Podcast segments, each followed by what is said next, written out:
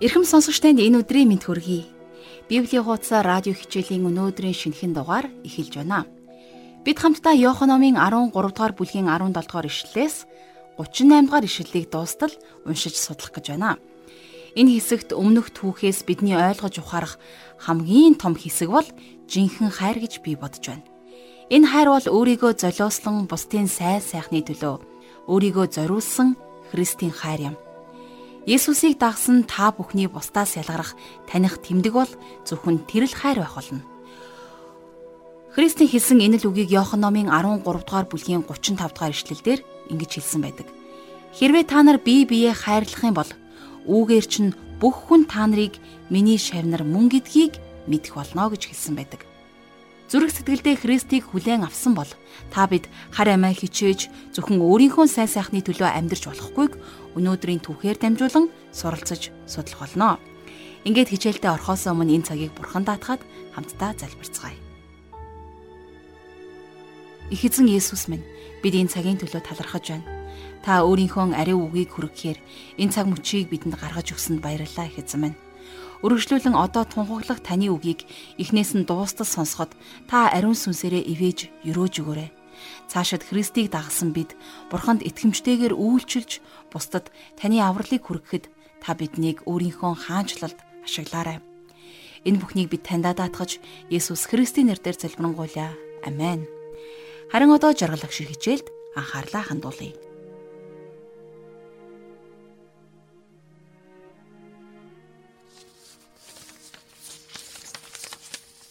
За бид Иохан номын 13 дугаар бүлгийг хамтдаа судалж байгаа энэ үед Есүс өөрийн дагалдагчдын хамт дээд өрөөнд буюу хоёр давхрын өрөөнд байсан тухай түүхийг уншиж байгаа. Тэгэхээр энэ үед дагалдагчид үнэндээ айсан байсан. Тэд нэр яг л жоохон хүүхдүүд шиг загламын сүүдэр тэрхүү бяцхан бүлэг дээр туссан байсан. За ингээд 18 дугаар ишлэгийг хамтдаа гаргаад уншицгаая. Би та нарын бүгдийн чинь тухай яриаггүй. Сонгосон нэгнээ би мэднэ. Харин энэ нь миний талхыг идэх чинь миний эсрэг өсгийгөө өргөв гэж бичигдсэн судрыг биелүүлэхийн тулд юм. Тэгэхээр Есүс тэнд байсан бүх хүмүүсийн талаар хэлээгөө гэдгээ тэдэнд хэлэхдээ маш болгоомжтой хандаж хэлсэн байна. Та бүхэн эдгээр зүйлсийг үйлдвэл өрөөлтөө гэж тэр тэдэнд сайн хэлсэн. Гэхдээ тэдний дунд тэдгэрийг хийж чадахгүй бурханд итгээгүй нэгэн сууж байсан. Харин Есүсийг эзэн гэж дуудаж, Бурхныг хүлээн авсан бүхэн эзэнт дуулууртай байж итгэх ёстой. Тэгэхээр итгэл дуулууртай байдал хоёр нь үргэлж хамтдаа явдаг зүйлс. Хэрвээ та амьд итгэлтэй бол тэр чинь таныг дуулууртай байдал руу хөдөлтгөө гэсэн үг. А гэтэл харамсалтай нь мань Юдаст энэ итгэл байгаагүй. Тиймээс Есүс э, дуулал номын 41-р дуулалын 9-р ишлэлд бичигдсэн иш үзүүлгийг иш татан тэдэнд хэлсэн байна. За юу гэж хэлсэн гэхлээр миний талхнаас идэх чинь миний эсрэг өсгийгөө өргөсөн гэж.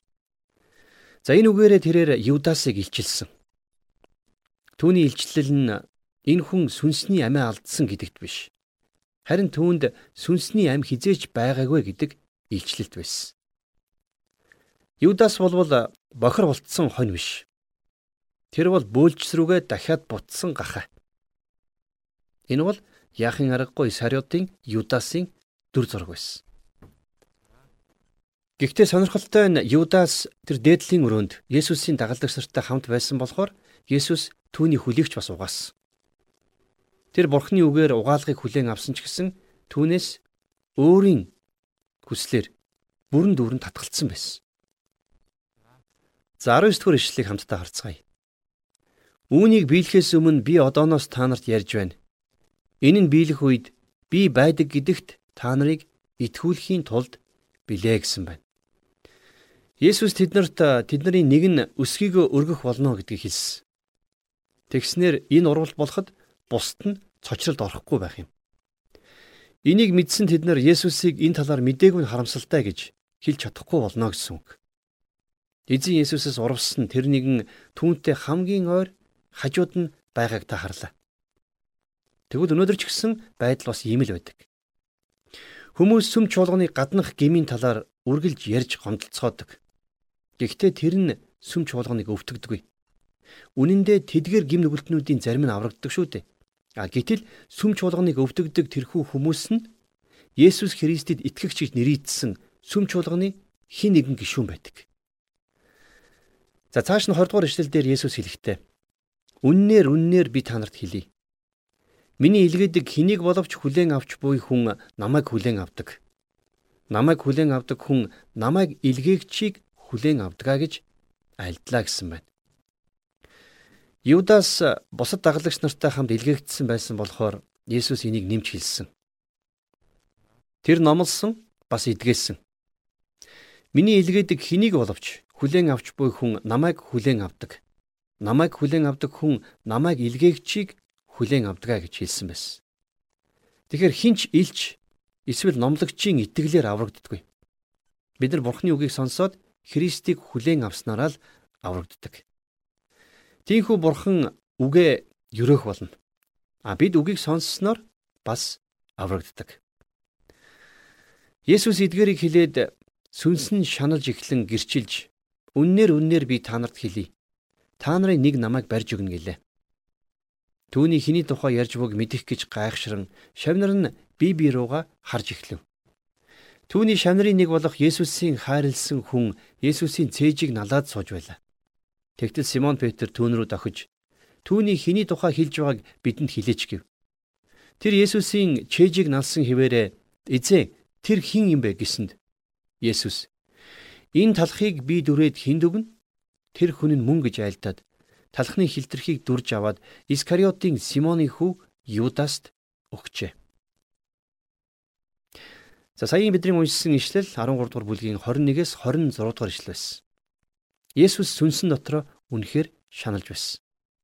Хинч Юдасыг урмагч гэж итгэхээргүй тэр ухаалаг үнэхээр мэрэгэн хүн байсан. Хүн бүр өөр хүн гэж бодохоос гадна дагалдагч бүр өөрийгөө байх вэ гэж имэс. Харин талхыг дүрээд хин нэгэнд өгч байвал тэр нь хүндтэй зочин. Энэ нь тэр үеийн уламжлал байсан юм. Эзэн Юдасыг энэ үйлдэлээрээ хүндтэй зочин болгож түүнд өөрийнхөө нөхрөлийн гарыг сунгасан байна.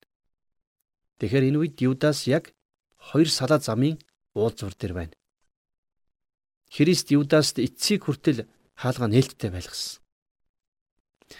Цэцэрлэгт болсон үйл явдлын үеэр Есүс анд минь чи ямар зорилгоор ирвэ гэж Юдасаас асуусан байдаг. Хэдийгээр эзэн Юдасын хийх зүйлийг мэдэж байсан ч гэсэн түүнийг энийг хийхийг хүчлээгүй. Үнэн дээр тэр Юдаст эцсийгээ хүртэл нөхөрлөлийнхөө саналыг хിവэр нь хадгалсан. А гэвч Юдаст муу ёрын сүнс шүглсэн. За энэ тухай 27 дугаар ишлээс харцгаая. Дараа нь түүнд сатан шүглэв. Тэгтэл Есүс Юдаст чи юу хийх гэж байгаа юм а? Түргэн хий гэлээ. Эндээс харах юм бол сатан Юдас гэгч энэ хүнийг аажмаар эзэмдсэн. Тэгэхээр сатан хүнийг гинт эзэмдгээ гэж би боддгоо. Харин аажим аажмаар хөдлөх боломжийг өгдөг олон жижиг уналтуудаар тэднийг дөнгөлдөг. Тэгээд тэр эцэст нь эзэмддэг.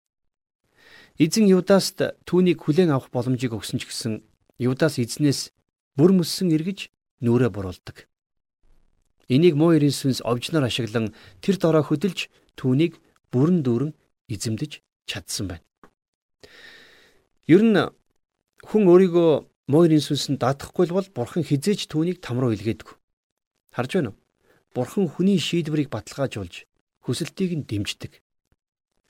Хүн Христийг хүлээн авч байгаагаа хэлэх үед Бурхан би үнийг дэмжиж байна. Би чамайг хүлээн авч байна гэж хэлдэг. Хүн Юдас шиг Христээс татгалзаж байгаагаа хэлэхэд Бурхан за би наадхыг чинь бас хүлээж авлаа гэж хэлдэгэ гэсэн үг. Дэмэс Есүс түүнийг хурдан явж хийх ёстой юмаа хий гэж хэлсэн. Тэр шийдвэрээ гаргаад Бурханы хяналтны гадна байгаагүй. Үнэн дээр хүн ямар ч шийдвэр гаргасан Бурхантай хамтран ажиллах ажиллахгүй гэдгээр шийдэгддэг юм. Тиймээс бидний эзэн түүнд одоо яваад хийх юмаа хурдан хий гэж хэлсэн байна. Харин шашны удирдагч нар баярын үеэр хүмүүсийг тэнд бөөнөрө цугласан байхад Есүсийг баривчилж цовдлохыг хүсээгүй шүү дээ. Тэр баяр дуустал хүлээж нам гүм чимээгүйхэн хийхийг хүссэн. Гэвч Есүс түргэн над ажиллаа гэснээр Юдас гарч яваад удирдагч нарт түүнийг олсон гэдгээ хэлсэн юм. Тэгснээр тэд нар маш хурдан хөдлөх ёстой болсон. 28 дугаар эшлэлдэр харин туглан суугчдын хинэнч Есүсийн юуны улмаас тэгж хэлснийг мэдсэнгүй. Тэгэхээр ширээнд сууж байсан хинч Юдасыг урвагч байсан гэдэгт сэжиглээгүй гэсэн үг. За 29 дугаар эшлэлийг харъя. Зарим нь Юдаст мөнгөний хүүдий байсан тул Есүс түүнд баярт зориулан бидэнд хэрэгтэй юмыг худалдан ав. Эсвэл ядууст ямар нэгэн юм өг гэсэн байх гэж боджээ гэсэн байна. За тэд нэр дундаа мөнгөний хүүдийтэй байсан. За энийг тодорхой болгосноор эзэн тэднийг ид шидийн аргаар тижээгээгүй гэдгийг бидэнд хэлж байгаа юм. Тэд нэр явж хүнс хоол худалдаж авах хэрэгцээтэй байсан. Харин тэр мөнгөний санг Юдас барьдаг байсан байна. Мөнгөтэй харьцахад ер нь үргэлжил янз бүрийн сорилтууд ирдэг шүү дээ. Бидэнд ч гэсэн өнөөдөр энэ асуудал тулгарсаар л байна. За дээгүр өнгөрөх баярын үеийн өргөл хандиудыг ядуust өгдөг байсан юм. Тиймээс дагалдагч нар эзэн Юдасаас явж ядуусыг тэтг гэж хэлсэн байхаа гэж бодсон байна. За 30 дугаар ишлэгийг харъя. Тэгэд Юдас талхны хилтерхийг аваад тэр даруй гарч явлаа. Тэгэхэд шүн байв. За Юдасыг гарч явхад шүн байсан гэдгийг та анзаараарай. Энэ нь Юдасын хувьд мөнхийн шүн үргэлжилнэ гэдгийг хэлж байгаа юм. Энэ нь диаволын өдөр байсан. Диаволын өдөр үргэлж Египт дээр буусан тэр харанхуй шиг байдаг энэ хүн мөнхийн шүн рүү гарч явсан байна. Бурхан альва зүйлийг хийхдээ удаан хийдэг бол диавол маш түргэн хийдэг. Яагаад гэвэл диавол хурдан хөдлөх ёстой. Учир нь түүний өдөр хязгаарлагдмал. Бурханд өөрийн зорилгоудаа гүйцэтгэх өн мөнх нь бүхэлдээ байдаг. Харин бид нар энийг буруугаар ойлгож бүтлгүүтдэг. Тийм учраас энэ явдал болсны дараагаар дээд өрөөнд нэгэн өөрчлөлт гарсан юм. Тэндээс Юдас гараад явчихсан. Харин эзэн үлдсэн хүмүүст үгээ хэлдэг. Загламын сүудэр дээд өрөөндөх тэр хитгэн хүмүүсийн дээр туссан байсан болохоор тэд нар айж байсан. Гэсэн ч бидний эзэн эдгэр хүмүүсийг урамшуулахыг за зоригжуулахыг хүсдэг. Хэдийгээр Петр Есүсийн үгийг тасалдаг ч гэсэн Есүсийн сургаал яг одоо энд эхлээд 14-р бүлэг хүртэл үргэлжилсэн баха гэж би боддог. За Есүс цааш нь юу гэж хэлснийг хамтдаа сонсцгоё. 31-ээс 32 дугаар ишлэл. Юдасыг гарсны дараа Есүс одоо хүний хүү алдаршлаа. Бурхан түүгээр алдаршлаа. Хэрв бурхан түүгээр алдаршсан бол бурхан өөрийнхөө дотор түүнийг бас алдаршуулна. Даруй түүнийг алдаршуулна гэсэн байна. Хүний хүү одоо алдаршуулагдах гэж байгаа. Энэ нь Есүсийн үхэл ба дахин амьдлалтаар дамжин хийгдэх гэж байна. Хүний үжил бодол ойлголтоор бол загалмай ичгүүр за магадгүй ялагдал шиг харагддаг. Харин бурхан энэ дотор алдаршуулагддаг. Учир нь ертөнцийн аврал нь загалмайгаар дамжин ирсэн юм. 33 дугаар ишлэлдэр бяцхан хүүхдүүдээ би та нартай хамт хоромхон зур байна. Та нар намайг хайх болно. Би евдээчүүдэд би хаашаа явна тийшээ та нар ирж чадахгүй гэж хэлснийхэн адил одоо мөн та нарт хэлж байна гэсэн байна. Юдас явсан болохоор Есүс өөрийнхөө дагалдагчдыг бяцхан хүүхдүүд минь гэж дуудаж чадна. Учир нь тэр загалмай руугаа явж байна. Хинч түүн шиг загалмай руу явж чадахгүй. Бас түүний зовлон хинч бүрэн дүүрэн ойлгож чадахгүй. Тэр ганцаараа зовсон. Би та нарт бие биеэ хайрлах тун. Би та нарыг яаж хайрласны адил та нар мөн бие биеэ хайрлах тун гэсэн шин тушаал өгч байна. Хэрв та нар бие биеэ хайрлах юм бол үүгээр чинь бүх хүн та нарыг миний шавнар мөн гэдгийг мэдэх болно гэж хэллээ гэсэн байна. Ингэж Есүс тэднэрт нэгэн шин тушаалыг өгсөн. Дагалдагч нараа та нар хайраараа танигдах ёстой гэдгийг Иесус хэлж байна.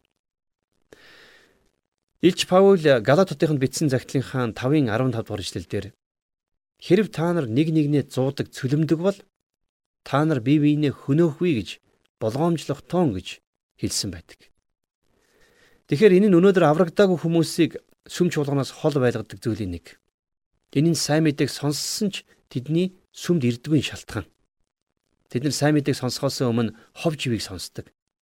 Тэгвэл Христэд итгэдэг хүний хувьд хамгийн чухал зүйл бол гэрчлэх биш. Үйлчлэх биш. Харин бусад итгэгчдийг хайрлахаа гэдгийг та мэдхүү. За цааш нь юу болсныг 36-аас 38 дугаар ишлээс харцгаая. Симон Петр түүнд "Эзэн та хаашаа явах юм бэ?" гэхэд Есүс "Миний явах газар руу чи одоо намайг дагж чадахгүй. Харин чи хожим дагна гэлээ." Петр түүнд "Эзэн би таныг яагаад одоо дагж чадахгүй гэж? Би таны төлөө амиа зориулъя" гэж хэлэхэд Есүс "Миний төлөө чи амиа зориулна гэж юу? Үннээр үннээр би чамд хэлье. Дахиад онгодохоос өмнө чи намайг 3 удаа үгүйсгэх болно гэсэн. Энэ хүн биднэртэй маш их адилхан байгаа биз? Хэрвээ та Бурхны хүүхэд бол Юдас шиг та Есүсийг зарахгүй байхаа гэж би бодож байна. Диавол таныг хянахгүй.